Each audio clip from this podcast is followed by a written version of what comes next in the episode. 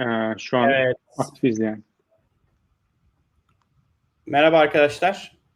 Merhaba arkadaşlar. Hoş geldiniz. Merhaba. Canlı yayına biraz geç bağlandık. Lütfen kusura bakmayın. Ee, çünkü ufak bir teknik arıza yaşadık. Umarım gidermişizdir ve umarım Ussal'ı duyabiliyorsunuzdur ve biz de Ussal'ı duyabiliyoruzdur. Hem Utku'ya hem Ussal'a bir hoş geldin demek istiyorum. Duyuyor musunuz beni? Hoş geldiniz. Merhaba. Eyvah. Ut- Utku seni duyacağız ama Duyuyor galiba musunuz? 10 saniye geç duyacağız galiba. Şu an geliyor ses.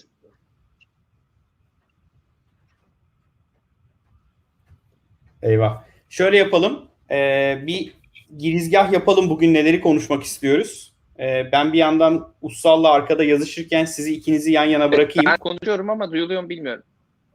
Ussal maalesef seni çok geç duyuyoruz. Armancığım sen bugün konuşmak istediğin konuları istersen bir söyle. Ben Bir yandan- çıkayım mı? Hı hı. Ee, Us- Ussal sana yazıyorum şimdi ben arkadan. Evet Arman top sende. Biz Ussal'la şu teknik sorunu bir çözelim. Tamam. Yani e, bugün bir kripto dünyasını takip eden arkadaşlar biliyordur. E, uzun bir zaman sonra tahmin ediyorum 2017 Aralık'tı en son. Yani nereden baksak 3 yıl geçti üzerinden. E, kripto parada Bitcoin tekrardan bir e, all time high dediğimiz bir zirve denemesi yaptı. 2017 yılında e, bu furya başladığında bir yıl içerisinde 3 bin dolardan 20 bin dolara kadar çıkmıştı. Ve o zaman da böyle bir e, piyasayı, pazarı, insanları, Google trendleri her yeri alt üst etmişti. E, ve bu zirveden sonra düştü. Ciddi bir e, çakılış yaşanmıştı. Burada da bir sürü soru işareti e, akıllara geldi. Bitcoin tekrardan acaba hayatımıza girer mi? Bitcoin tekrardan toparlanır mı? Bir daha Bitcoin'in bu seviyeleri görecek miyiz? Bitcoin projesi bitti mi? Ee, ama bugün gördük ki e, bitmedi. Tam tersine çok daha güçlü bir şekilde bu kripto paralar, kripto dünyası e, devam ediyor.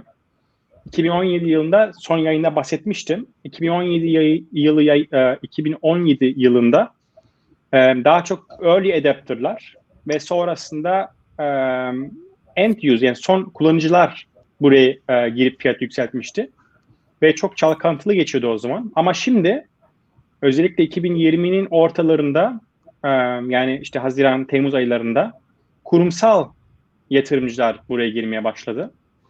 E, bunun başına da Grayscale adında bir e, yatırım fonu geliyor. Bu yatırım fonu işte e, yatırımcıların paralarını yöneten bir e, fon ve e, tek odağı galiba şey kripto paralar. E, bu yıl içerisinde ne zaman tam ne zaman başladılar bilmiyorum ama bu yıl çok yoğun bir şekilde e, fondaki paralarla alım gerçekleştirdi. E, en son baktığım rakam 10 milyar dolarlık bir Bitcoin alımı al- e, oldu bu son bir yıl içerisinde. E, bu ve bu devam ediyor. E, bununla beraber işte en son yolda konuştuğumuz Kore'yle birlikte PayPal bu işe girdi, Square bu işe girdi. Daha, daha çok şey görüyoruz. Yani kurumsal firmaların, kurumsal yatırımcıların e, bu sektöre girişini görüyoruz. Ve bu da aslında büyük bir değişimin e, bence sinyali. Güven artık yakalandı. Yani 2017 yılı, yılında buna güvenilir mi, büyük kurumlar girer mi, bir gün Amazon bunu adapte eder mi gibi e, sorular vardı aklımızda. E, bu sorular sanki bir bir çözülüyor. E, kurumsallar artık bu işi satın aldığı gibi gözüküyor. Ve bu da bence şunun önünü açıyor. Yani e, fiyat olarak baktığımızda daha çok gidebileceğimiz bir şey var. E, uptrend var ve kullanım olarak da e, ciddi bir şey var. E, alan var. E, bu önümüzdeki aylarda ve önümüzdeki birkaç yıl içerisinde ben çok ümitliyim. Yani çok daha fazla kurumun e, tanıdığımız kurumların buraya gireceğini düşünüyorum. İşte belki bir Amazon, Apple, Google üçlemesinden bir tane şey görürüz. Eğer Facebook Lib- Libra'yı entegre ederse yanına mutlaka Bitcoin'i koyacaktır. Bu da 1 milyar insandan fazla bir e, adaptasyon demek. E, bununla birlikte tabii şey soru işareti oluşmaya başlıyor. Tamam kurumsallar giriyor. Kurumsalları kim durdurabilecek ve kim önünü kapatabilecek? Devletler. Evet. İşte Bu- buradaki en büyük soru aslında şuna dönüyor. burada olsaydı, Ussal burada Evet. olsaydı o da bunu sorardık. Bu arada Ussal tablete geçiyor şimdi. Tabletten bağlanmayı deneyecek tekrar. Umarım Evet, başarabiliriz. Biz yine Buradaki en büyük- refer ederek bence devam edelim. Armando tam bıraktığı Evet, yerden. Çok güzel bir yazısı vardı bu konuda. Gıyabında konuşuyoruz. Yazıyı yazan adamı alamadık içeriye ama yazıyı okuyanlar anlatsın bakalım. Evet aslında son yapılan G20 zirvesinde bu Facebook'un e, kripto parası yani Libra e, doğmadan e, öldü oldu diyebiliriz. Yani herhalde evet, artık artık artık devam edemez diye düşünüyorum ben. Çünkü e, hem Avrupa hem Amerika Merkez Bankaları bu e, olaya karşı çıkıyorlar mevcut durumda. E, ama buna buna paralelde de aslında teknik olarak karşı çıktığı şey e, başka bir tekelin oluşması. Yani başka Evet. bir para biriminin ortaya çıkıp aynı aynı devletlerin yaptığı gibi çok geniş kitleye hitap edip bunu convertible kılıp e, bunu devreye alması. Dolayısıyla aslında temelde cryptocurrency'ye bir karşı çıkma yok. Hatta son dönemde bayağı da açıklamalar yapıldı bu yönde. Merkez bankaları kendi dijital paraları e, üzerinde çalışmaya başladılar. E, temel motivasyon benim anladığım bu. E, bu nedenle de Facebook'un e, arkasına birçok ortak alarak e, başlattığı Libra biraz ölü doldu gibi. Ne dersiniz? Evet. Ya bu Yo, arada Yüzde yüz katılıyorum. heh, Ussal geldi. Ussal geldin ve görüntün de Ve oldu. Ve oldu. Evet. Harika. Evet Oraya- sonunda. Sen yokken arkandan konuşuyorduk abi. Ama tamam, biraz, biraz öyle oluyordu. Dur Ama şöyle. arkamdan konuşuyorduk derken e, yani şeyle ilgili yazdığın şu Libra yazısıyla ilgili Ha. e, konuşuyorduk Ben gıyabında. de bir beceremedi işte şuraya bile giremedi falan. Yok yok hiç hiç o, hiç o konuyu açmadık bile ya. Hiç öyle bir derdimiz olmadı. Ya Ar- ben sen yokken ki kısa konuşmamızı kısa bir özetleyeyim istersen. Arman biraz önce şeyden bahsetti. E, yani Bitcoin bugün böyle all time high'a geldi tekrar. Evet. 19 bin küsürlere geldi. Ve e, oradan da konuyu aslında Libra'ya bağladık. Senin yazın ve senin geleceğini Ya burada aslında e, şunu söyleyeyim yani bence bu 2020'de yaşadığımız en büyük olay ve en önemli olay e, kurumsal adaptasyonu gördük e, kripto paralarda ve özellikle Bitcoin her zaman bunun öncüsüydü bu e, kripto dünyasının, blockchain dünyasının bir nevi markası gibi. E, bu yıl işte bu e, şey adaptasyonu çok iyi bir rüzgar kattı Bitcoin'e, kurumsal adaptasyon. Hem Grayscale gibi e, devasa fonlar girdi. Ee, hem de PayPal gibi dünyanın en büyük ödeme kuruluşları girmeye başladı. İşte Amerika'da Evet. Square bu işe girmeye başladı. Ve tabii e, kurumsallar artık şunu e, şunu görüyoruz. Kurumsal dünya Bitcoin'e kabullenmeye başladı ve kullanmak istiyor. E, bir sonraki aşama nereye geliyor? Devletlere geliyor. Yani şimdi kurumsal bir şey almaya başlarken devlet aslında bir nevi önemini almaya başlıyor. Hani ileride bu benim başıma dert olur mu? E, buradan şu soru doğuyor. E, acaba Bitcoin ileride bir gün bu tür regülasyon regülatif ya- yasaklara e, maruz kalıp hayatını hayatı sonlanır mı? Bunun bir örneği de Libra'da yaşadık gibi aslında. Doğru. Yani ben de şöyle bir gireyim istersen. Bir, ben ilk Bitcoin 2013'te almıştım. Ee, o zamandan bu zamana mesela Umarım Bitcoin satmamışsındır abi. yok satmadım. Şimdi Ussal abi, canım abim.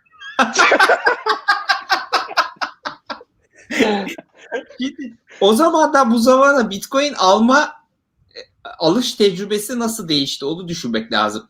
O zaman gidiyordunuz bir tane borsa buluyordunuz alıyordunuz. Değil mi? Paraları borsaya aktarıyordunuz banka hesabında. Bitcoin alıyordunuz. Şimdi giriyorsun borsaya kimlik soruyor, işte ikamet soruyor. Ee, bir sürü yani o kadar kapsamlı bir know your customer işlemi yapıyor ki videoyla falan işte yok şöyle oynat böyle oynat. Ee, yani bu bile aslında işin e, regüle edilmemiş halinin bile ne kadar regüle olduğunu gösteriyor. Çünkü bunlar aslında e, o borsalara konulmuş e, mecburiyetler değil birçok ülkede. Ama adamlar yapıyorlar ki başımıza bir iş gelmesin veya nasıl olsa bunlar konulacak bu kurallar biz şimdiden adapte olalım bir adım önde olalım diye birçok borsa bunu yapıyor. Ya bu bile e, bu şey kısmı yani Know Your Customer ve Anti Money Laundering kısmı bile aslında bu işin şimdiden e, yavaş yavaş regüle olduğunu gösteriyor. Doğru. Kesinlikle haklısın. Bir de e, yani bu e, borsaların görece 20 bin dolardan Bitcoin'in 13 e, 3 bin dolara düştüğü dönemle bu dönem arasında bir dediğin gibi regülatif olarak çok fark var. Bir de bu dünya üzerine inşa edilmiş ürünler, servisler, hizmetler hepsi de çok arttı. Yani Doğru. volüm de kullanım oranı da yani sadece bunu bir yatırım aracı olarak görenlerin ötesinde e, çok daha farklı yerlerde kullanılabilir bir hale geldi. Bunu da unutmamak lazım bence. Dönüşümü arttı aslında bir anlamda. Yani convertible olması kriptokurrency'lerin daha daha kolaylaştı. Kesinlikle abi. Bir de şu var. E, kurumsal yatırımcılar girmeye başladı. Bu sene en çok duyduğumuz haber oydu. Yani Kesinlikle. Twitter'ın hazinesinin yani Twitter'ın kasasındaki paranın bir kısmını buraya konması. İşte kimler koydu? Arman sen birkaç isim say. MicroStrategy koydu. MicroStrategy. MicroStrategy 500 milyon dolara yakın para koydu oraya. Ee, Ondan sonra e, Square dediğin gibi koydu. Ee, Bunlar hani ismi olan ve bil- bildiğimiz firmalar. Ee, Onun dışında işte fonlar var. Hani Grayscale fon şu an en popüler fon.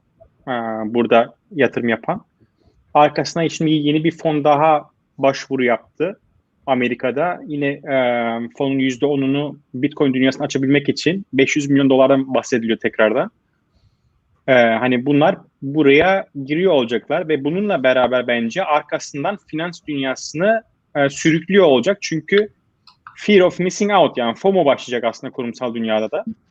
Yani bir dakika bunlar giriyor. Ben ya bu treni kaçırırsam ve geç kalırsam e, buraya ne olacak? E, o korkuyla beraber bence çok daha büyük bir hızda bir giriş görüyor olacağız e, bu kripto dünyasına. Ee, dediğim gibi yani geçen, geçen gün Coinbase'in CEO'su bir Twitter'da bir açıklama yaptı. Şöyle bir şey söyledi. Ee, Amerika'da şey New York'ta bir dedikodu duyduk. Ee, şöyle bir e, Trump yönetimi tarafından şöyle bir regülasyon çıkartılabilir. O da eğer borsadan bir para bir e, private wallet'a yani kişisel bir cüzdana göndermek istiyorsanız e, borsanın o wallet'ı verify yani doğrulaması gerekiyor o wallet'ın kime ait olduğunu borsaya ispatlamanız gerekiyor. Ee, ispatladıktan sonra yani doğruladıktan sonra ancak çekim gerçekleştirebilirsiniz dendi.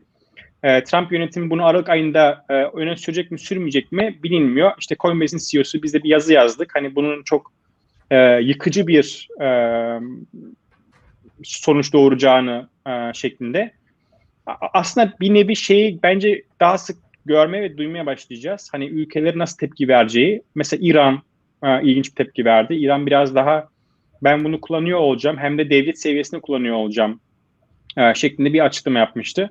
Hani önümüzdeki aylarda bir yıllarda görüyor olacağız bakalım İran e, nasıl bir e, burada bir re- regülasyon uygulayacak ama amacı da şey delmek gibi söz e, konuşuyor. Medyada o şekilde yorumlanıyor.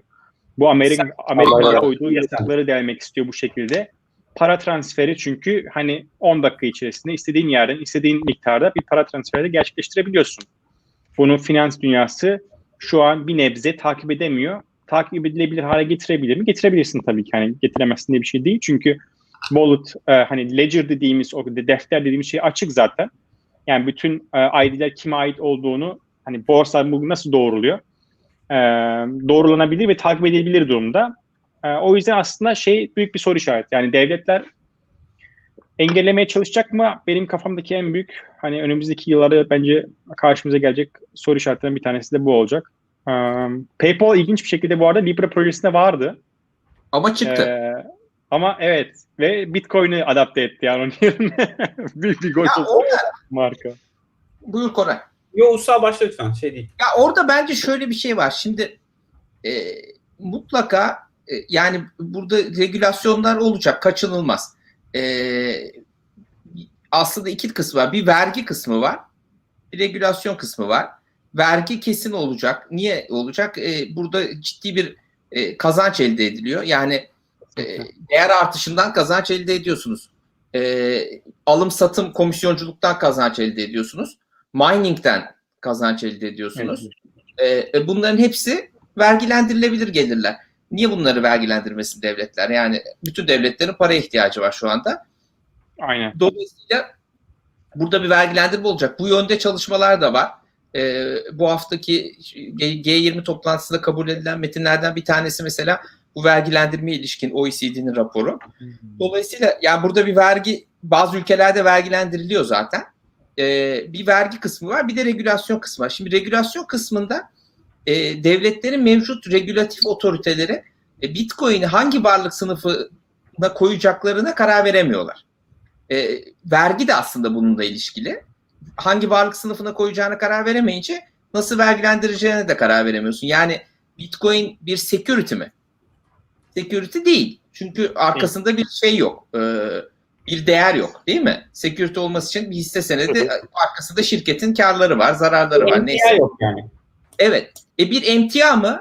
Hayır. Yani altın gibi işte gümüş gibi ortada fiziksel bir varlık da yok. Ne bu? Hiçbir şeye uymuyor. Şimdi regülat, regülatör perspektifinden bakınca regülatör bir şeye baktığı zaman onu mevcut bir tanıma uydurmaya çalışır. Ya bu ne der yani? O nereye uydurduğuna bağlı olarak bunda bir sürü sonucu olur. İşte vergisi ona göre olur. İşte mesela bu security ise o zaman capital gains tax'e tabi olacak değil mi? Ee, Evet. Ama e, başka bir şeyse başka bir şeye tabi olacak. Yani mesela bir para birimi desek buna, deseler buna. Para birimi zaman- olsa mesela o zaman kambiyo vergisine tabi olacak. Ee, kambiyo vergisi başka bir vergi. Mesela çok az. Yani dünyanın birçok ülkesinde çok az. Bizde şimdi binde iki mesela döviz alım sadece alırken binde iki ödüyorsun. Bir ara bire çıkmıştı biliyorsunuz. Tekrar binde ikiye indirildi. Yani hepsinde farklı farklı vergiler. Mesela Bitcoin miras kaldı diyelim. Neye tabi olacak? Abi, veraset ve intikal vergisine tabi olması lazım. Değerlemesi nasıl yapılacak? Hangi yükü değerinden yapılacak falan. Yani uçsuz bucaksız sorular var. Şimdi e, bu biraz işi şey kısmı hani böyle vergi muhabbeti bitmez biliyorsunuz zaten de. Ama esas mesele burada e, regülatörün perspektifinden bakınca bunu e, security regülasyonlarına mı tabi kılacaksın? Başka bir şeye mi tabi kılacaksın? Şimdi bazı ülkeler security regülasyonuna tabi kılıyor. Bizde de genel yaklaşım o yönde yani SPK bunu regüle etsin. Ama bu bir security değil aslında. Yani arkasında bir Evet, değer aynen yok. öyle. E, şimdi ama Bitcoin bir tarafta işte bir sürü tabii başka coinler de var. Ama e, şey mesela işte Facebook'un çıkarmaya çalıştığı Libra başka bir tarafta onlara stabil coin deniyor. Onlar Evet. biliyorsunuz arkasında e, gerçek hard currency ile desteklenen ve değeri o hard currency'ye bağlı olan paralar. İşte mesela bizde de 1 lira çıktı. E, TL ile birebir diyor değeri aynı olacak. Tabii buradaki taahhüt yasal bir taahhüt değil. Yani yarın 1 lira e, 50 kuruşla aynı olacaktı diyebilir. Bir şeyi yok. Yani Sadece o Tether de öyle ya. Tether'in hacmi Tether de öyle dolarla. Evet, dolara currency'si var. dolarla veya euroyla neyse işte e, veya lirayla eşlediğiniz zaman tek bir ülkenin parasıyla eşlemiş oluyorsunuz. Ama Libra ne yaptı? Bunu birçok ülkenin parasıyla bir Evet. basket e, değerlemeye karar verdi. İçinde Amerikan doları, euro, İsviçre frangı, e, Japon yeni ve Singapur doları yanlış hatırlamıyorsam vardı. Şimdi buna mesela tepki neden oldu? E, yani özellikle Amerikalılar tepki gösterdi. İlginç. E, çünkü şimdi doların global rezerv parası olması Amerika için çok büyük bir stratejik avantaj. Sen ona alternatif bir para yaratmış oluyorsun. Rezerv para olmak ne demek? Dünyadaki bütün ticaret dolarla fiyatlanıyor. E, şimdi mesela işte ülkeler ikili anlaşmalarla biz ticaretimizi kendi paramızla fiyatlayalım. İşte Rusya ruble TL fiyatlasın, işte yuanla TL fiyatlasın filan deniyor ama bu iş öyle işlemiyor. Çünkü bütün ticaretçiler başka yani birçok ülke ticaret yaptıkları için mallarını hep dolarla fiyatlamayı tercih ediyorlar. Artı işte petrol filan doğalgaz dolarla fiyatlandığı için zaten dünyadaki ticaret hacminin önemli bölümü bunlardan oluşuyor. Şimdi bu Amerika'ya çok büyük bir stratejik avantaj sağlıyor dünyada bütün işleri dolarla görülmesi. E Amerika'da bunu kaptırmak istemiyor kimseye. Hele hele bir şirkete kaptırmak hiç istemiyor. Kendi şirketi bile olsa. E, ilginç bir şekilde e, küçük ülkelerden yani Türkiye gibi, Meksika gibi ne bileyim ben işte e, Endonezya gibi ülkelerden bu kadar tepki gelmedi. Ben gelmesi beklerdim. Çünkü aslında Libra çıktığı zaman ilk yerine geçeceği para bence TL, peso, Doğru, doğru. değil mi? Rupi yani itibarı düşük olan, enflasyonist geçmişi olan, e, efendim yani güveni az olan vatandaşların o paraya güvenmediği ülkelerde bence Libra daha çok tercih edilir. Şimdi dolar almazsın, gider Libra alırsın. Bizden o kadar tepki gelmedi ama e, şu, lafı şuraya geri, geri döneceğim Bitcoin'e. Yani Bitcoin'le karşı bir yasaklama veya işte böyle anormal bir tepki olmamasının temel nedeni bence Bitcoin'in mevcut parasal mimariye alternatif bir rol üstlenmemesi. Yani Bitcoin daha ziyade bence bakarsanız hani bu saydığımız varlık sınıfları arasında gene en çok altına benziyor. Yani arkasında fiziksel bir varlık olmasa bile e, bağımsız e, ve değeri kendinden menkul bir e, değer e, saklama aracı ve bir e, şey e, mübadele transaction aracı. Ve, Ee, ve değeri ve- tamamen ağır ve talebe. Yankı var. Evet. E altın da öyle. Yani altının şimdi hiç altının bir değeri var ama aslında altının kullanıldığı bir yer var mı takı dışında? Yok. Yani bir işlevi yok. Sadece işte değerli bulunan bir metal olduğu için ona değer atfediliyor ama herkes değer atfettiği için de e, değer kazanıyor. Yani böyle bir kısır döngü. Bitcoin de aynı duruma gelmiş durumda. E, ve işte arzı mimarisi gereği sınırlı olduğu için de e, bir güveni var. E, yani kendi yazılım yapısından kaynaklanan bir güveni var.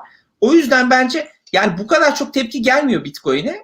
E, ama Bitcoin'in kendisinin yasaklanmasından ziyade işte az önce de konuştuğunuz gibi Bitcoin'e erişim araçlarında regülasyonlar olabilir. Evet. Nedir bu? İşte Amerika'da o söylenti çıktı sonra e, herhalde fazla dikkate alınmadı ki bugün tekrar yükselmeye başladı.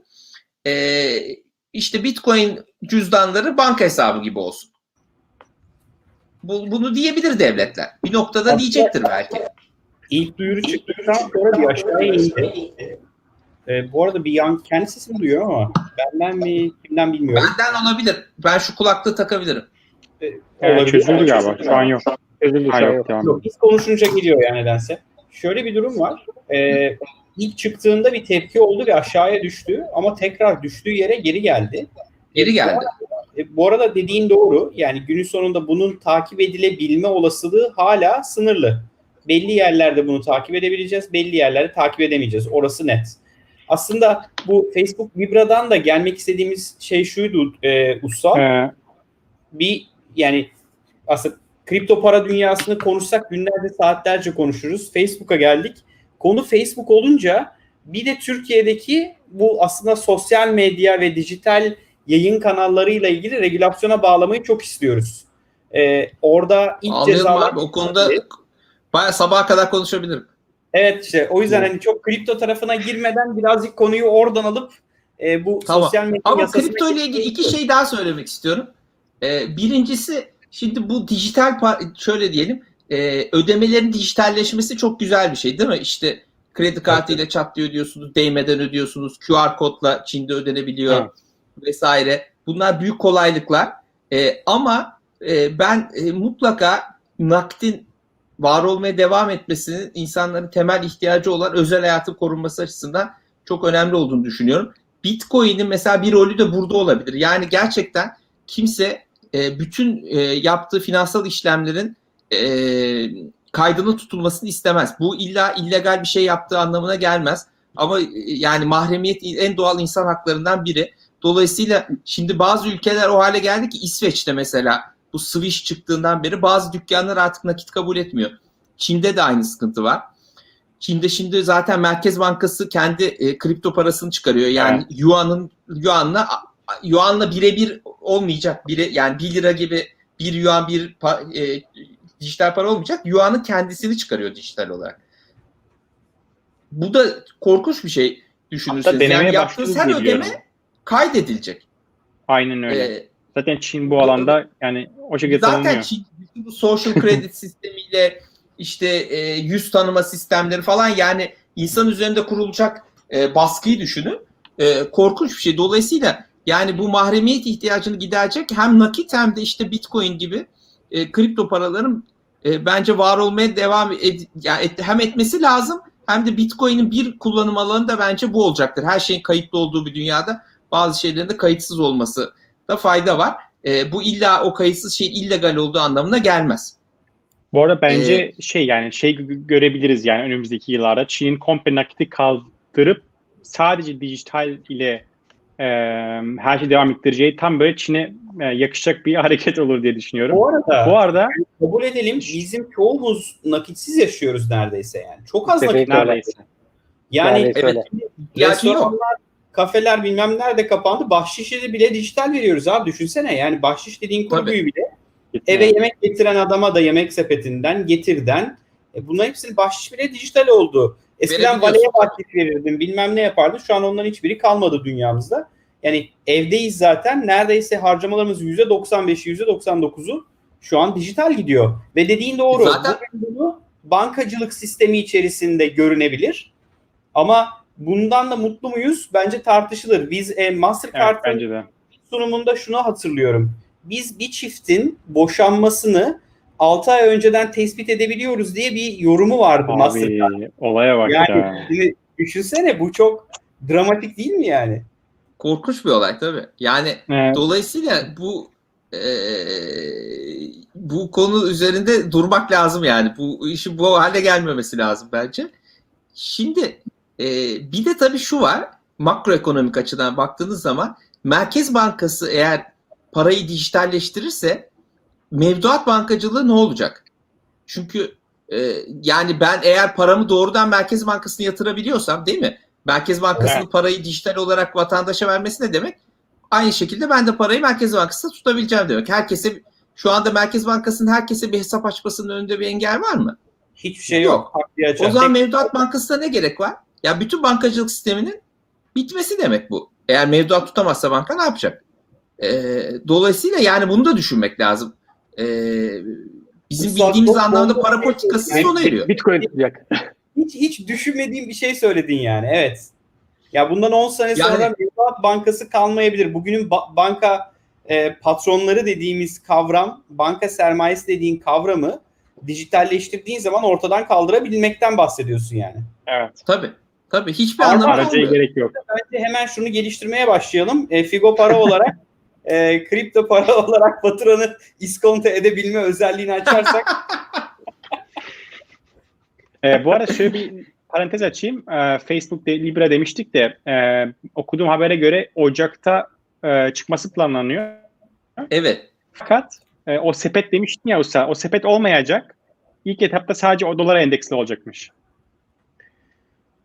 Evet şöyle Yani yaptılar. Ocak, Şimdi böyle arkadaşlar orada geri adım attı Libra. Geçen sene Evet. Ee, daha doğrusu bu sene e, yani bu korona ilk çıktığı sıralarda o kaynadı diye hatırlıyorum.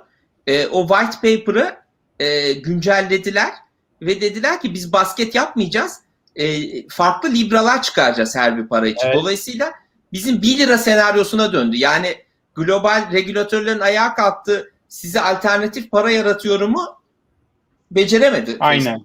Aynen öyle. Aynen geri öyle. adım attı ve e, şimdi dolarla birebir e, o zaman dolara karşı bir rakip olmayacak. Bu zaten doların değeriyle şey Kesinlikle. yani o zaman işte security gibi bir şey oluyor. Yani e, şey dolara değeri bağlı bir tane dijital aset çıkartmış oluyorsun. E, dolayısıyla şey oradan geri adım attı. Yani o ilk iddialı çıkışını yapamadı. Ve bu Yapamaz. Facebook için büyük bir global e, şey e, başarısızlığı tabii. Yani e, public policy başarısızlığı. Çünkü bu işi çok büyük bir heyecanla böyle bir Silikon Vadisi kafasıyla e, çıkardılar. E, biz yaparız, işte çözeriz, ederiz falan. Tas diye bir duvara tosladılar. Yani kendilerini anlatamadılar. Ben Ama burada bir toplantıya gittim. E, pardon şunu da anlatayım abi. Libra Vakfı'nın başkan yardımcısı Türkiye'ye geldi. Bir Hadi ya. toplantı organize ettiler. Tabii. E, ben de gittim. Yani böyle 15-20 kişi. Anlattı falan. Çok da güzel anlattı. İspanyol bir adam. Ondan sonra e, sonra orada BDDK'dan biri varmış. Bir daire başkanı. Dedi ki bu dedi dinledik anlattıklarınızı ama bunlar yasa dışı Türkiye'de yapamazsınız. hadi canım şaka yapıyorsun. Ulan çok iyi. Önceden bir baksanıza kim var bu odada falan yani. Oo. Bu biraz aslında bu, işte onu global anlamda da yaşamış gibi oluyor. Yani şu yani mikro ölçekte anlattığın konuyu bence e, paydaşların hepsi yaşadı. Yani ilk Libra çıktığında arkasından yürüyenler yani biraz Facebook buranın Nasrettin Hocası gibi kaldı. Yani biz bunu Evet, yaparız dediler tabii. ama arkaya bir döndü. Yani bir anda yani yolda böyle herkes Herkes ayrılmaya başladı. Ee, Tabii. Ve hani Doğru. bu senin son Tam yazında öyle. Çok güzel benzetme. Evet sen senin son yazında söylediğin gibi e, G20 de aslında e, bu işin noktası olduğu gibi yani ben hissediyorum ben. Ee, senin o bitirişin de çok doğru. Biraz aslında Koray'ın bahsettiği işte bu Facebook'un Türkiye'deki durumuna da daha doğrusu bütün sosyal mecraların Türkiye'deki durumuna da e, geçeriz oradan. Bu senin yazını bitirirken söylediğin gibi aslında ya elle, elimizde bir şey var. Devletler bununla şu an senin baş- başlık başlık söylediğin katmanlarda hangisinde? Bunlar hepsi bildikleri aslında metodolojiler. Yani bir enstrüman çıkmış, karşısında bir regülasyon çıkmış. Başka bir enstrümanda başka bir regülasyon ama hep bildiklerinin türevi ya da integraliyle devam etmişler. Şimdi öyle bir durum var ki zaten hani bilinmeyen bir teknoloji ellerinde ve buna en yakın söylediğin şey altın. Bence zaten altına göre regüle edecekler sistemi de. Ee, ama bunu, bunda da bu sefer devletlerde birinin Nasrettin Hoca'da olması bekleniyor. Hani bunu biri yapsa belki arkasından Evet. yürüyecek. Onu cesaret edebilen de yok. Çünkü onu cesaret ettiği anda neyle karşılaşacağını tam kestiremiyor. Kendi para birimi düşecek. e, ne bileyim finansal itibarım düşecek. Ya burada o kadar çok hani ilk adımı atmaya cesaret edemeyen devletler de var ki e, bu yüzden biraz daha bu konu yavaş ilerleyecek gibi geliyor bana. Çünkü dediğim Tabii, gibi o yüzden herkes topu birbirine atıyor. Konuşuyorlar yani. Ee, Evet. Ama bence ortak ortak endişe şu yani biz e, devletler olarak bu topu başkasına bırakmayacağız. bırak Biz o, burada o çok net. O egemenliğimizi mesaj net. koruyacağız. Bir şey diyeceğim. evet. O mesaj net. kripto konusunu kapatmadan Atakan'ın aslında geçen bölümde biraz konuştuğumuz şey konusu vardı. Ee, şu konuya geçeceğim. Regülasyonlar yok diyorlar ama gizli baskı çok üst seviyede. Evet doğru. Evet. Bu decentralized finance konusu Aynen. bence çok çok kritik. Çünkü hakikaten dün Arman bir şey paylaştı. Ee, adamlar yüzde iki ödüyorlar aylık. Yüzde iki faiz. Şimdi e, bu böyle hani dolara e, dijital bir paradan bahsediyoruz. Dolar diyoruz yüzde iki getiri veriyor. Dünyada böyle bir şey yok. Yani bugün Türkiye'de bile dolar faiz yüzde kaçlardadır ya? Yani yüzde on iki bir, buçuk falan iyi, iyi paran varsa veriyordur. Bir buçuk falan veriyordur yani. E, aynen öyle yani mevduata. Hadi yurt dışında çoğu ülkelerde sıfır hatta Avrupa'da bazı Negatif ülkelerde euroya Almancım Almanya'da kaç para veriyor euroya? Eksi mi yoksa böyle komik bir şey mi? Ya da faiz var mı Ar- Almanya'da? Arman'a mı soruyorsun bana mı soruyorsun? Almanya, Evet ya, Almanya'ya soruyorum. Sen Almanya'da olduğun için. Ha pardon. Abi negatif faiz burada. Yani şey yok. Yani mümkünse parayı, paranı bankaya getirme diyor ya. Evet evet. Mümkünse paranı getirme diyor zaten. Peki yani mevduata da negatif faiz uygulamıyor adam herhalde değil mi? Uyguluyor uyguluyor. 100 bin euronun üzerinde ki mevduata negatif faiz uyguluyor. Hadi canım. Abi çok iyi ya. tabii. Çek paranı diyor buradan. Bitcoin alman lazım işte abi. ne yapıyorsun? Ama mesela bunlar da şeyi çok etkilemiyor mu? Biraz önce konuştuğumuz bu dijital asetlere paranın Kesinlikle. yatırılmasını çok etkilemiyor. mu? Kesinlikle etkilidir abi. Ben aslında tam onu söyleyecektim e, az önce. Biz e, geçen yayında da konuşmuştuk. Mart ayında burada sohbetini yaptığımızda e, da aynı şeyden bahsetmiştik. Yani bu bilançolar o kadar çok şişti ki bu para bir yerlere kaçacak. Orası çok net. Yani Açmak zorunda tabii. bütün bütün o şu an ka- kağıt para yani konver- konvansiyonel para diyelim onlara. O konvansiyonel para bir şekilde bir yere akacak. Bunu nerede görmüştük biz? Hatta refer etmiştik bu Netflix'teki belgeseli de. Orada da bunun altı çiziliyor. 2009'daki bu üretilen finansal enstrümanlar çakıldığında dolayısıyla Bitcoin'e kaydı. Para- paralar ve esas şahlanış herkesin dikkatini çektiği an tam o periyoda denk geliyordu. Şimdi benzer durumdayız. Neredeyse bilançolar bir buçuk katına çıktı. Ee, ortada ciddi bir hani en ufak iyi bir haberde e, zaten e, hisse senetleri coşuyor. Ya para gene e, reel Tabii. sektöre akmıyor. Hisse senetleri coşuyor. E, bunun da tesa- tesadüf olduğunu düşünmüyorum ben. Yani şu anki bugün yaşanan rekorun e, buna bağlı olduğunu düşünüyorum. Yani çok iyi haberler geliyor. E, bütün e, aşı e, üreticilerinden. Buna bağlı da e, bu konvansiyonel para kripto currency'lere doğru kayıyor diye, diye düşünüyorum. Ya bence de yani eğer faizdeki getiri negatifse nereye gidecek bu para? Asetlere gidecek. E, Evet. Asetlerde de ne var? Borsaya girebilirsin. Borsa zaten yükseldi daha da yükseliyor. Tabi borsada biliyorsunuz her kağıt yükselmiyor Amerika'da. Yani aslında 9-10 tane şirket yükseliyor. Ama onlar bütün borsayı rekora koşturdu. E, bir de böyle işte dijital asetlere falan giriyorsun. Bence yakında şeye tekrar dönecek bu arada para. Yani bu asetler yükselmeye devam ederken ben gayrimenkule de tekrar döneceğini düşünüyorum. Ee, Evet. Ama gayrimenkulde şu anda şeyi bilemiyor yatırımcılar. Yani e, bu uzaktan çalışma nedeniyle şehirlerin geleceği ne olacak, hangi emlak nasıl değerlenir anlayamadıkları için e, şey yapamıyorlar. E, henüz oraya daha kanalize olamadılar ama bu kadar anormal bir parasal geliştirme olan bir dünyada zaten varlık fiyatlarının artmaması mümkün değil. E, ama yani baktığınız zaman da varlık fiyatlarının artması zenginleri daha zengin, fakirleri daha fakir yapıyor. Çünkü varlık sahipleri kimler? İşte şu anda parası olanlar, daha yaşlılar, değil mi? E, varlık sahibi olmayanlar kimler? Gençler, hayatına yeni başlayanlar veya işte daha fakir e, ailelerden olan kişiler. E, bu aradaki farkları çok açıyor. Yani bu hani para basalım, herkese para verelim eyvallah da e, bu işin bir sonu yok. Yani özellikle Amerika'da basılan para bütün dünyadaki dengeleri çok bozuyor. Evet. Peki. Bu, bu son bir şey söyleyeyim Koray. Bununla ilgili e, Usta'nın söylediği takı kısmı çok önemliydi. o, orada bir vurgu yapalım. Herkes şeye benzetiyor ya, e, özellikle Bitcoin'i altına çok benzetiyorlar. E, hep aynı soru var ama. Peki o zaman altın niye bu kadar hızlı e, artmıyor? Aslında tam da ustanın o e, espriyle karışık söylediği şeyde gidiyor. Yani bunun convertible olması çok kritik. Şu an BTC o akışkanlığı e, sağladı. Yani Bitcoin'de o akıcılık e, geldi. E, global olarak o paranın e, hemen hemen her yerde geçerliliği var. Geçen yayında da kart, kartlardan bahsetmeye başlamıştık. Bunlar artık e, bir banka kartına dönmeye başladı. Dolayısıyla bence Paribu bunların da çok etkisi var. Yani hayatımıza, hayatımıza çok girmeye başladı. Yani Türkiye'de paramla Paribu bunu çözdü şu an. Eğer Paribu kullanıyorsan ve param üzerinden bir Paribu kartla sen Bitcoin'ini gidip herhangi bir yerde harcayabilmenin önünü açtı. Bu bence devrimsel bir iş zaten yani başlı Evet. başına. Hmm. Duymuş muydun bunu Usta? Ben onu bilmiyordum. Yani paranı TL'ye çeviriyor orada ve anında harcayabiliyorsun. Aynen, Aynen. öyle. Aynen O öyle. anki fiyattan çevirip harcıyorsun. Ve Türkiye'de şu an bu çalışıyor yani. Bu arada vizeyle birlikte yaptılar. İsterseniz şey yapalım. Şu sosyal medya işine bir bağlayalım. Evet. Çünkü orası bence Şimdi orada da heyecanlı bir durum var.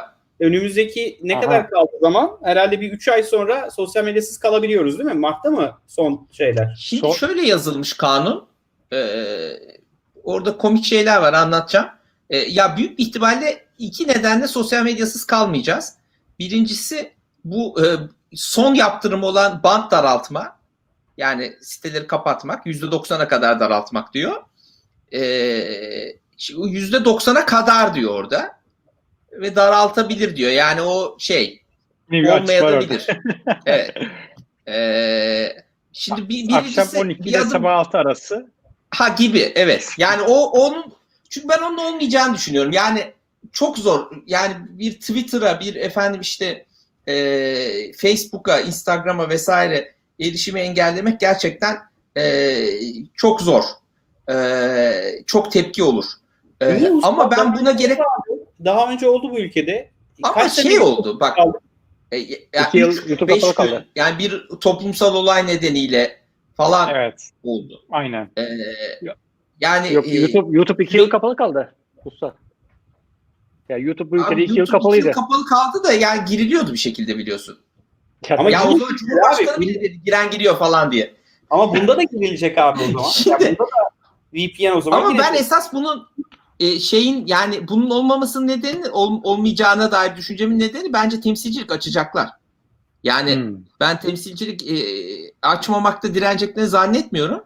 Çünkü e, hem benim aldığım duyumlara göre hem de genel izlenimime göre burada şöyle bir mesele var. Bir kere Facebook, ya Facebook özelinde konuşalım. Diğerleri daha yani Twitter şöyle başlayalım o zaman. Twitter açmayabilir. Bence Twitter'da sıkıntı var. Yani ve Twitter kapatılabilir ve çok sorun olur bu. E, çünkü yani Twitter'ın parası yok. Bir kere biliyorsunuz. Yani Twitter mali açıdan iyi bir şirket değil. E, yönetimi yok. Yani CEO'su zaten yarı zamanlı. E, yani şirketin bir şeyi yok. Anlatabiliyor muyum? Böyle karar alma organları falan işlemiyor. Türkiye'ye bakan kimse yok Twitter'da. Bir tane Türkiye Government Affairs adamı vardı.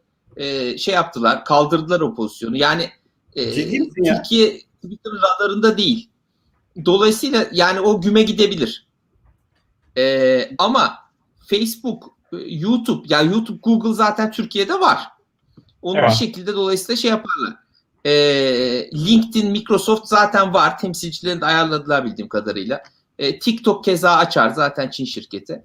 Ama e, Facebook'ta açacaktır. Çünkü bu isteği yani bu gerekliliğin olduğu bütün ülkelerde açmış. Rusya'da açmış, Vietnam'da açmış. Yani ben temsilcilik açmıyorum diye bir tavrı yok. Bir de e, işte mesela gerçek kişi şartı vardı temsilci için. E, onu tüzel kişiye çevirdiler. Dolayısıyla hani e, Hmm. mesuliyetleri Şirket filan hakları. e, bir anonim şirkete yükleyebiliyorsun. E, yani o şartlar da daha makul hale geldi ki daha da diyalog halinde bence bunlar şey yapılabilir. E, normalleştirilebilir. Sıkıntı şurada yani Facebook'un yönetimi şu anda makul bir diyaloğa giremedi henüz e, kamu kurumlarıyla bu konuda. E, girse bence bir yol bulup açacaklar. Bu E, orada bir diyalogsuzluk var. Ulaştırma Bakanlığı'nın kanunu bu. Bu tabii yani bu konuda konuşulması gereken kurum BTK. Ulaştırma Bakanlığı'na bağlı. Ve şey e, bakan yardımcısı. Ulaştırma Bakan Yardımcısı Sayın. E, ben eninde sonunda anlaşacaklarını düşünüyorum. E, ama yani orada şöyle saçmalıklar var. Ben bunu yazdım da. E, mesela reklam yasağı. Facebook'a reklam yasağı. Şimdi 3-4 tane yaptırım var. Birinci yaptırım 10 milyon lira ceza, ikinci yaptırım 30 milyon lira ceza, üçüncü yaptırım Türk şirketlerine Facebook'a reklam yasağı, dördüncü yaptırım ihtiyari, mecburi değil, bant daraltma. Diğer üçü mecburi yani e, Aşamadayız şu an değil mi? Yani ilk cezalar kesildi, evet. kesildi. Şimdi ilki kesildi bir ay sonra ikincisi kesilecek. 30 milyon liralar. Bir ay sonra da üçüncüsü gelecek. Yani Ocak ortası falan gibi e, bu reklam yasağı gelecek. Şimdi bunlar ihtiyari değil. E, yani bunları e, kurum şey yapamıyor. Ee, ben bunu yapmıyorum diyemiyor. Yapmak mecburiyetinde. Şimdi bu üçüncü yasak tabii Facebook'la hiçbir alakası yok. Bu kendi kendimize verdiğimiz bir ceza. Yani Evet. Facebook'un umurunda olmaz Türkiye'den reklam almamak. E, Facebook Türkiye'de kaç para kazanıyor? Şöyle yanlış şeyler e, piyasada dolaşıyor. İşte Instagram'da en çok kullanıcı sayısı olan 6. ülke Türkiye. Doğru. Ama kullanıcı başına gelirde kaçıncıyız? Yani Çok. herhalde Amerika'daki onda biri falan. Dolayısıyla Tabii, bir kıymeti yok Türkiye'de kullanıcıları zaten maddi açıdan. Bu bu arada Ee, yani sayının bir önemi yok. Dijital platformların tamamında öyle. Yani sonuçta dijital platformların Tabii. tamamı kullanıcı başına gelirle ölçüyor pazarı. Yani bir kullanıcı başına kaç para kazanıyorum bu pazarda. Ona Tabii. göre o pazarda kalmayı ya da belki 5 katı daha az kullanıcısı olan ama 10 katı fazla kazandığı bir pazarda devam etmeye Pazarı karar tercih veriyor. ediyor. Bence Glovo bunlara güzel örneklerden bir tanesi. Glovo bu ülkeden çıktı. Tabii. İnanılmaz bir kullanıcısı vardı. Dünyadaki birçok ülkeden daha iyiydi. Evet belki rekabet daha yüksekti Türkiye'de. Başka oyuncular vardı. Ama kullanıcı başına gelir ya da ticket size yani Çok düşük. sepet tutarı çok düşük abi Türkiye'de. Yani gidince dolara, euroya adamın iş planında saçma salak bir yere şey geliyorsun yani. Tabii. Dolayısıyla yani bu tip kanunları, kuralları koyarken biraz bu işlerin nasıl yapıldığını bilmek gerekiyor. Bilmeden yapınca maalesef böyle e, garip durumlar ortaya çıkıyor. Artı ben bir şey daha söyleyeyim. Şimdi bu Facebook'un filan reklam modeli siz de bu işleri yaptığınız için yani buralara herkes reklam verdiği için long tail'a doğru gidiyor. Çok fazla reklam veren var. Ve büyük reklam verenlerin bile sözü geçmiyor. Amerika'da biliyorsunuz bu e, bu yazın çıkan olaylarda işte Facebook ırkçılığı teşvik ediyor vesaire diye e, birçok büyük marka reklamları durdurdu. E, hiçbir şey olmadı. Facebook hiçbir şey değiştirmedi. Niye? E, ben dün okudum. E, en büyük 100 reklam verenin Facebook'un reklam geliri içindeki payı %16'ymış. Yani hiçbir şey değil. E, ve şimdi tekrar geri döndüler. Veriyorlar reklamları paşa paşa. Yani yani bu reklam verenlerin Facebook'a karşı hiçbir gücü yok. Facebook güçlü. E, Dolayısıyla e, şimdi başka bir şey Ocak'ta daha da söyleyeyim. zarar görecek olan bizleriz yani. Bizim küçük Aynen esnaf öyle. zarar görecek yani. Aynen öyle. Çin'de arkadaşlar biliyorsunuz Facebook yasak. Yok yani. Bir Yok. 10 yıldır yok. Dünyada Facebook'a en çok reklam veren ikinci ülke kim? Çin. ya ya dolayısıyla yani bunlar komik şeyler. İnşallah bunu uğraşıyoruz ya düzeltilmesi için. Ee, çünkü bu, bu biz bu bize bir ceza. Yani bu Facebook'a bir ceza değil. Bu aslında bu aslında Türk bence girişim ekosistemine de sıkıntılı. Aslında Etik oraya zaten. Çünkü oradan zaten şey yapıyorlar. E-ticareti sıkıntılı. Abi deli gibi e, ihracattan bahsediyoruz. Kusura bakma da artık kalmadı yani. Kalk git fuara orada müşteri bağla. Sipariş Yok al. Dön. Türkiye'ye. Yani hangi yüzyılda yaşıyoruz abi? Kalmadı öyle bir Fuar şey. yok bir kere yapılmıyor zaten Evet fuarda. abi. Yani, Yani hatta şey- dükkan yok. Yani Evet, biliyorsunuz dükkan kapatıldı AVM'ler Avrupa'da kapalı, Amerika'da kapalı. Ve birçoğu koronadan sonra da açılmayacak. Yani Doğru. Ee, bitti bu iş. Biz Çok güzel bir ya noktaya değindim bence şey. burada. Gerçekten sen gel ihracatçını Moda Nisa bak Moda Nisa e, acayip büyüyen bir şirket yani çok hakikaten iyi bir şirket. Tesettür giyip Türkiye'de başarılı oldu. Dünyayı satıyor. Satışta yüzde kırkını Facebook üzerinden yapıyormuş. Ya düşünebiliyor musun? Yapamayacak adam. Sözüm direkten dön. Ya böyle bir şey olamaz ya. Böyle bir şey olamaz ya. Yani bu- bence biz burada- en- yani sosyal medyayı kapatmak, erişimi engellemek, yavaşlatmak biz şey gözüyle bakıyoruz. Okey bunları regüle ettik, dize getirdik de abi burada binlerce, on binlerce, yüz binlerce insan ekmek yiyor artık bu e-ticaretten. Yani Tabii. sadece e-ticaret değil Ussal, oyun şirketleri Türkiye'den unicorn Tabii. Sözlü reklam veriyorlar. Google üzerinden. Şuna dönerdi hikaye. Giderdi bir çok mu zor oyun şirketleri için yurt dışında bir ofis açmak? Ertesi gün giderdi yurt dışına taşırdı şirketi herkes. Derdi ki bu ülkede ben Facebook'a bile erişemiyorum. Reklam bile yönetemiyorum buradan erişemediği için. Gider abi yurt dışında yapardı. Ondan sonra gelsin Tabii. Turkonlar, gitsin Unicornlar yani. Dolayısıyla yani buradaki e, şeyi ayırt etmek lazım. Şimdi bu kanunu beğenirsiniz, beğenmezsiniz. E, Yani doğru bulursunuz, yanlış bulursunuz. Kanunun içeriği bence önemli değil. Yani kanunda getirilen yükümlülükler değil tartışma konusu. Cezaların tartışılması lazım. Yani bir devlet kendi kendine ceza vermez. Gidin abi Facebook'a günlük ceza kesin. Günlük her gün 10 milyon lira. Her gün 20 Evet. milyon lira neyse. Kesin abi. Yani e, şirketi kendisi ceza verir. İnsan kendi şeyine şirketine Türkiye'de Acaba bunu- ceza verir mi? Yani ya bunu bilinçsiz yapıldığını düşünüyorum. Yani bunun Ya hani düşünülmeden oluyor. Tabii, tabii. Ya Heh, son anda aceleyle, kondu. aynen. Liste son anda kondu. Yani bir de böyle bir şey koyalım falan diye. E, aceleyle oldu. Ben Oradaki düzelteceğini düşünüyorum. Ben yani uygulanacağını zannetmiyorum. koyalım. Değiştirilecek bence.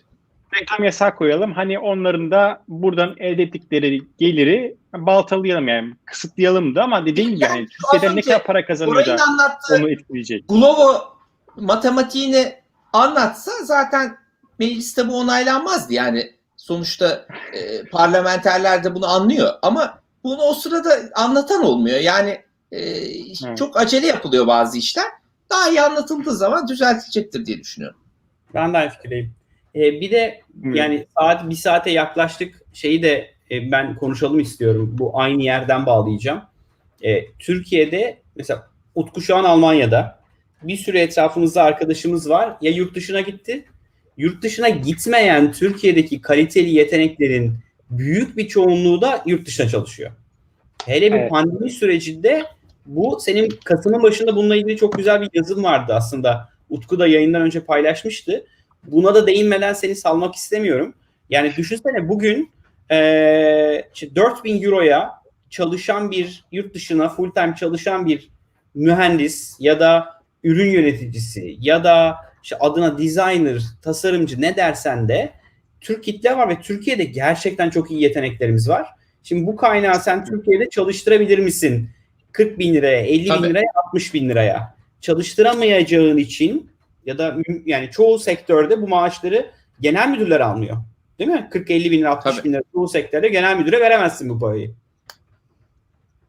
Ee, Onu Şimdi- Şimdi, konuşalım isterim ben Çok kapatmadan. tabii e, şöyle şimdi e, Türkiye'de girişim kurmak zor bir iş değil mi? Yani en, en iyi sen biliyorsun. Kesinlikle. Ee, para bulmak çok zor. Yani yatırım bulmak.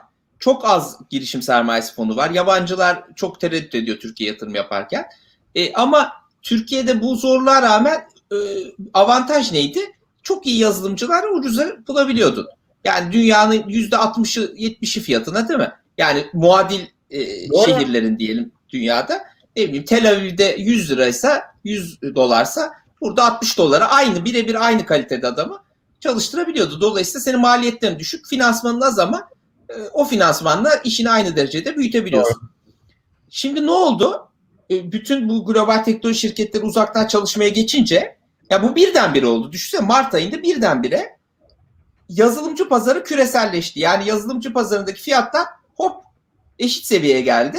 Ama Türkiye'deki startup şirketlerin finans erişimi hala daha alt seviyede. Hatta Hala belki TL. daha da aşağı indi. Hala Çünkü bir de TL seyahat de edemediğin için şey de yapamıyorsun. Gidip dışarıdan yatırımcı da bulamıyorsun. doğru. Şimdi yani birdenbire maliyetler yukarı çıktı, sen aşağı indin. Ama ben daha komik bir şey söyleyeceğim. Bizim vergi mevzuatımızda dar mükellef diye bir şey var. Şimdi yabancı şirket burada temsilcilik açınca buradaki çalışanlarına gelir vergisi ödemiyor. Bu Facebook falan e, burada şeyi yok. E, faaliyeti Açıyor. yok. Yazılımcı istihdam ediyor. Adam bir de gelir vergisi ödemiyor. Şimdi sen zaten e, 3000 dolarlık adama 4000 dolar 5000 dolar maaş veriyorsun. Üste bir de gelir vergisinden muafsın. Oradan da bir yüzde 40 ilave et. E, e, bu mümkün mü Türkiye'deki Rekabet şirketin bunlara rekabet etmesi? yani. İmkansız. Yok mümkün değil. Bitti. Yani Ya Türkiye'de yazılımcı falan bulunamayacak. Çık çık dışarıya yine aynı modele gelecek. Türk şirket misin? Çık dışarıya kardeşim. Türkiye'deki adamları freelancer çalıştı. Türkiye'den maaş Tabii. ödeme. Mükellef de şirket kurdur adamlarına. Yurt Kur. dışından çalıştır. Oradan yürü. O zaman e o zaman ne olacak? Bu sefer toplam vergi geliri düşecek. Bu sefer bunun üstüne gidecekler. Ya buraya gelmeden bir kere şu dar mükellefi bu tip yazılım şirketleri yani yabancı yazılım şirketleri için kaldırmak lazım. Yani e, herkes eşit şartlarda vergi ödesin. Niye o adamın çalışanı vergi ödemiyor da benimki vergi ödüyor? Böyle bir saçmalık olmaz. Ee, bir kere bunu eşitlemek lazım. İkincisi bence bir yazılım şirketlerine yönelik bir nakit destek e, verilmesi lazım ki bu uzaktan çalışmaya yani yurt dışından uzaktan çalıştıranlara karşı bizim de burada kendi uzaktan çalışanımızı desteklememiz lazım. Sen bugün İstanbul'dan gidip Kayseri'de bir adamı istihdam ediyorsan oraya göre yüksek bir maaş veriyorsun değil mi? Tabii tabii çok iyi. Ya bunu Oranın yerel maaşı. E, bu, bundan daha iyi bir kalkınma stratejisi olabilir mi? Bir örnek vereyim. Bizim SAP camiasında bir şirket vardı. Sivas'ta üniversitenin karşısında bir bina tuttu. iki bina tuttu. Al işte. Biri, biri yurt, yanındaki binada ofis.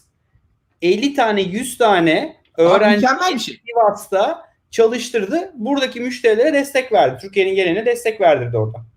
Yani bunu mesela bu, ama buraya teknopark statüsü alamazsın çünkü üniversitenin içinde değil falan derler. Yani teknoparkları falan destekleyeceğini bunu desteklemen lazım.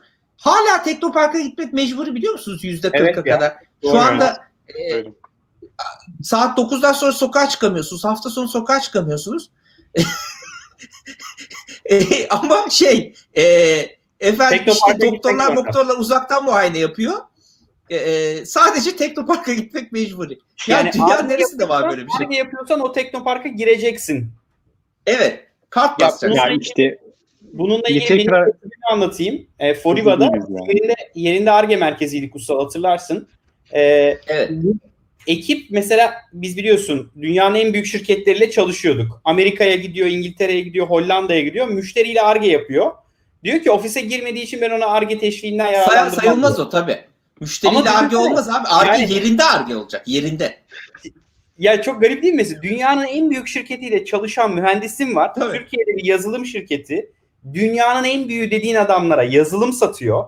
Buradan oraya mühendis gönderiyorum. Orada adamlarla çalışıyor. Diyor ki yok bu arge değil. Ya bana ironik geliyor. Yani orada yani seninle bir önceki bölümde konuşmuş muyduk evet bilmiyorum. evet abi aynı bu konuyu Yani- konuşmuştuk. Sanal bir teknoparka ihtiyacımız var artık. İnsanların evden çalışabildiği.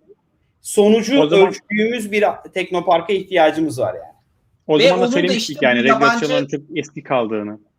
E, bu, ya aynen öyle. Şimdi arkadaşlar daktilo ile yazılmış kanunlarla olay dijital çağı yönetemiyorsunuz. Yani daktilo zamanında yazılmış adam bilgisayar bile kullanmamış yazarken e, işte bizim Teknopark kanunu da öyle yani. Kaç senesinde çıktı? 2001'de çıktı. E, o, o zaman araba değil. yoktu diyorlar ya. Daktilo. Evet.